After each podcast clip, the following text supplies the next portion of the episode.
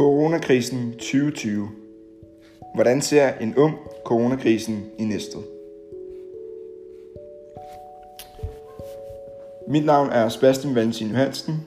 Jeg går i 1. G på næste Gymnasium af HF. Og øh, PT er der jo corona. Øh, hvordan påvirker coronakrisen min dagligdag?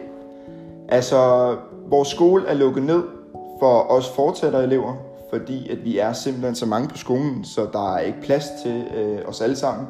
Så derfor øh, har vi øh, virtuel undervisning på noget, der hedder Google Meet. Og øh, der er det simpelthen en helt almindelig skoledag, øh, ligesom øh, i skolen, hvor man kører fra 8 til 15.20, inklusive pauser. Øh, det er selvfølgelig lidt anderledes, og man skal lige i gang med det, men øh, alt i alt har det faktisk, har det faktisk været en, en helt okay oplevelse, øh, men selvfølgelig er skolen meget bedre end virtuel. Øh, det jeg savner allermest herhjemme, det er mine venner, og det at man bare kan føle sig social, øh, være nærværende øh, sammen med sine venner, og så simpelthen bare give et, øh, give et godt kram. Øh, for det er noget, vi alle sammen øh, mangler, øh, og det er en del af at være menneske. Det er at have kropskontakt, Øh, så altså, generelt er det bare øh, en helt mærkelig situation. Øh, det kan jeg også mærke på mine familiemedlemmer, især min farmor. Hun er, øh, hun er meget øh, paranoid, hvis man kan sige det sådan. Øh, fordi at det er jo noget alvorligt, og vi har aldrig prøvet det før, det her corona, covid-19.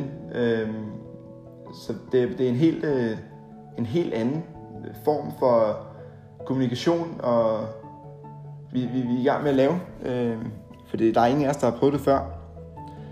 Øh, hvis jeg skal nævne en genstand, som indkapsler øh, coronakrisen, så vil jeg nok sige håndsprit, toiletpapir og elektriciteten. Fordi det er, øh, uden elektriciteten og uden øh, computeren og telefonen, så vil det ikke være muligt her i 2020 at, at have almindelig godsetegn øh, undervisning. Øhm, så på, på den måde er, er det at være social over nettet, internettet, faktisk blevet en rigtig god ting. Øhm, og så øh, har det været simpelthen i starten af den her øh, epidemi, der har det været helt, øh, helt umuligt nærmest at få håndsprit. Så øh, altså, i USA har folk øh, nærmest slåsset, altså været oppe og slås om det. Øhm, og her i Danmark, der øh, efter øh, Mette Frederiksen, vores nuværende statsminister, har øh, ja, udtalt, at øh, vi nu skulle blive hjemme og forsamlingsforbud og alt det der. Øh, der var, gik der jo panik i folk, og man købte ekstra mel og sukker, og ja, det var, det var helt sindssygt. Det var lidt surrealistisk. Det var ligesom at se det på en film. Øh, men man lærer faktisk meget om sig selv under coronakrisen her. Øhm, man lærer at være i sit eget selskab, og lærer at være, kende sig selv. Altså nu er jeg i en alder af 18, og jeg føler faktisk ret godt, at jeg, jeg ved, hvem jeg er. Øhm, og det tror jeg ikke, jeg havde øh, lært så hurtigt, hvis ikke coronakrisen havde været Jeg siger ikke, det er en god ting, at corona er. Det er noget værre noget. Det er forfærdeligt. Øh, man savner virkelig, ja, man savner som det var engang. Øh, men selvfølgelig kommer vi ud af det igen, og øh, vi er faktisk allerede godt i gang med at åbne op igen. Øh, men øh, selvfølgelig, det er, en, det er en mærkelig situation, og øh, ja, hvis, vi, hvis vi ser frem til om 50 år, eller 100 år, så er det jo bare en lille ting, øh, som der var i historie, som der blev skrevet i historiebøgerne. Men jeg tror, det der vil blive husket, corona, det var øh, en sygdom, man aldrig havde set før. Øh, og grunden til, at det spredt sig så hurtigt, det er fordi, at, at vi er et folk, som rejser rigtig meget. Øh, og derfor, øh, derfor har den, han smittet sig og muteret så hurtigt, øh, så man har ikke vidst, hvad man skulle gøre. Og desværre til at starte med tog folk ikke sådan 100% seriøst, fordi at, øh, det var jo bare en, en lille smitte, ligesom med influenza og, og vice versa. Øh, så folk tog det ikke seriøst i starten, og det tror jeg så derfor, at den er kommet så... Øh, rundt omkring i verden, og den er også kommet til Danmark. Fordi vi er et meget, øh, et rigt land. Øh, vi er et land, der har god hygiejne, øh, hvilket de ikke har i, i Kina på den måde. Øh, så det er, det er lidt, øh, lidt vildt, hvordan den har udviklet sig så meget. Øh, hvis jeg skal beundre en person i krisen, øh, om den har fået mig til at beundre en, så vil jeg nok sige, øh, jeg har fået, øh, jeg har fået mere respekt for, øh, for de offentlige ansatte, for sygeplejerskerne, for alle dem, der er i gang med at ofre deres øh, sundhed, for at andre kan have det godt. Øh, det sætter jeg stor pris på, og øh, jeg er taknemmelig for, at vi i Danmark har det, er, er så øh, rige, at vi har råd til det. Vores øh, velfærdssystem har råd til det. Øhm, ja, så det var bare lige en del af, det var lige mit øh, udgangspunkt her med coronakrisen i 2020, og hvordan jeg ser på det. Øhm, ja.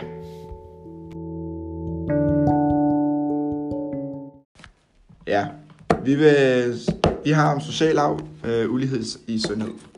Til at starte med vil vi gerne redegøre øh, med faktorer, øh, der påvirker individets sundhed, og det har vi tænkt os at gøre ud fra bilag A. Øh, arbejdsmarkeds- og arbejdsmiljø. Det kunne betale sig at investere i sin egen sundhed. Dette kunne være sundhedskapitalen, som de fleste arbejdende mennesker har. Dog svigter staten tit til at give rådgivning i dette aspekt af arbejdsmiljøet. Der er forskel på, at man sidder stille på et kontor eller i arbejde med fysisk, fysiske udfordringer. Det kunne fx være, at man var ambulancebehandler. Der er både fordele og ulemper ved, ved begge stillinger. Fordele ved at være fysisk med arbejdet er, at man er i gang og får automatisk en sund og stærk krop, hvis altså man spiser det helt rigtigt. Øh, med stillesiddende arbejde er en stor ulempe ved, øh, at man sidder stille på arbejde, det er, at man ikke får motion i løbet af dagen, og har derfor en større chance for øh, alvorlige sygdomme, fordi øh, motion er jo vigtigt. Øh, en af de større eller andre fordele ved øh, at sidde stille på arbejdspladsen, det er, at man kan gå på pension senere, og derfor ikke har slidt øh, kroppen, øh, når man bliver gammel. Ja. Børns tidlige udvikling og tilknytning. Bedre børnehaver. Hvis man stiller bedre og flere ressourcer til børns opvækst og sørger for, at børn får den sociale kontakt, der er knyttet til deres sociale sundhed. En løsning kunne være for eksempel at stille flere rådgivere til rådighed for de socialt udsatte, specielt dem i de fattige husstande. Manglende brug af sundhedstilbud. Mangel på hjælp og eventuel rådgivning inden for sundhedssektorerne. Læger, sygeplejersker og hjemmehjælp til de svage i samfundet, som ikke kan klare sig selv, men har brug for en ekstra hånd i hverdagen. For at kunne få hverdagen til at hænge sammen, og så de slider mindst muligt på deres kroppe. Det handler om at forhøje levestandarden og give de bedst mulige levevilkår. På den måde skaber vi også et godt og trygt samfund. Mindre penge gør, at der enten ikke er råd til fritidsaktiviteterne eller fritidstilbudene. Eller også er det måske ikke en prioritet, når budgettet skal gå op. Mad, som er sundt, er ofte dyrere end usund mad. Derfor, hvis man ikke har penge, er det nemmere at købe det usunde end det sunde valg. Øh, I hensigt til skolegang og uddannelse af ens skolegang, øh, kommer det meget an på, hvordan man trives i skolen eller ej. Miljøet, man befinder sig i, er altafgørende for en skolegang og uddannelse. Det sociale fællesskab i skolen er vigtigt for, om man trives eller ej, og om man føler sig en del af fællesskabet i klassen. Hvis man ikke, øh, hvis ikke man trives, går det, går det ud over karaktererne og alt i ens uddannelse. Øh, hvis ikke man får gode nok karakterer, kommer man ikke ind på sin ønskede uddannelse, og det går ud over personens social ulighed i sundheden. Nærmiljøet. Det sociale miljø har en utrolig stor indflydelse på os alle sammen. Måske lægger man ikke mærke til det generelt, men folk omkring en påvirker os i en, eller, i en eller anden grad. Dette kan give udfordringer, men netop dette er også med til, at vi vokser som mennesker. Forurening og gode menneskeforhold er også en vigtig del i forhold til nærmiljøet. Miljøet er også om dem, der er, om der er nem mulighed for motion og udnyttelse af kroppen. Larmen og støjen kan også være en del af omvendningen af nærmiljøet. Boligforhold. Ens boligforhold er meget vigtige, når det kommer til sundhed, siden det er der, man tilbringer det meste af ens liv.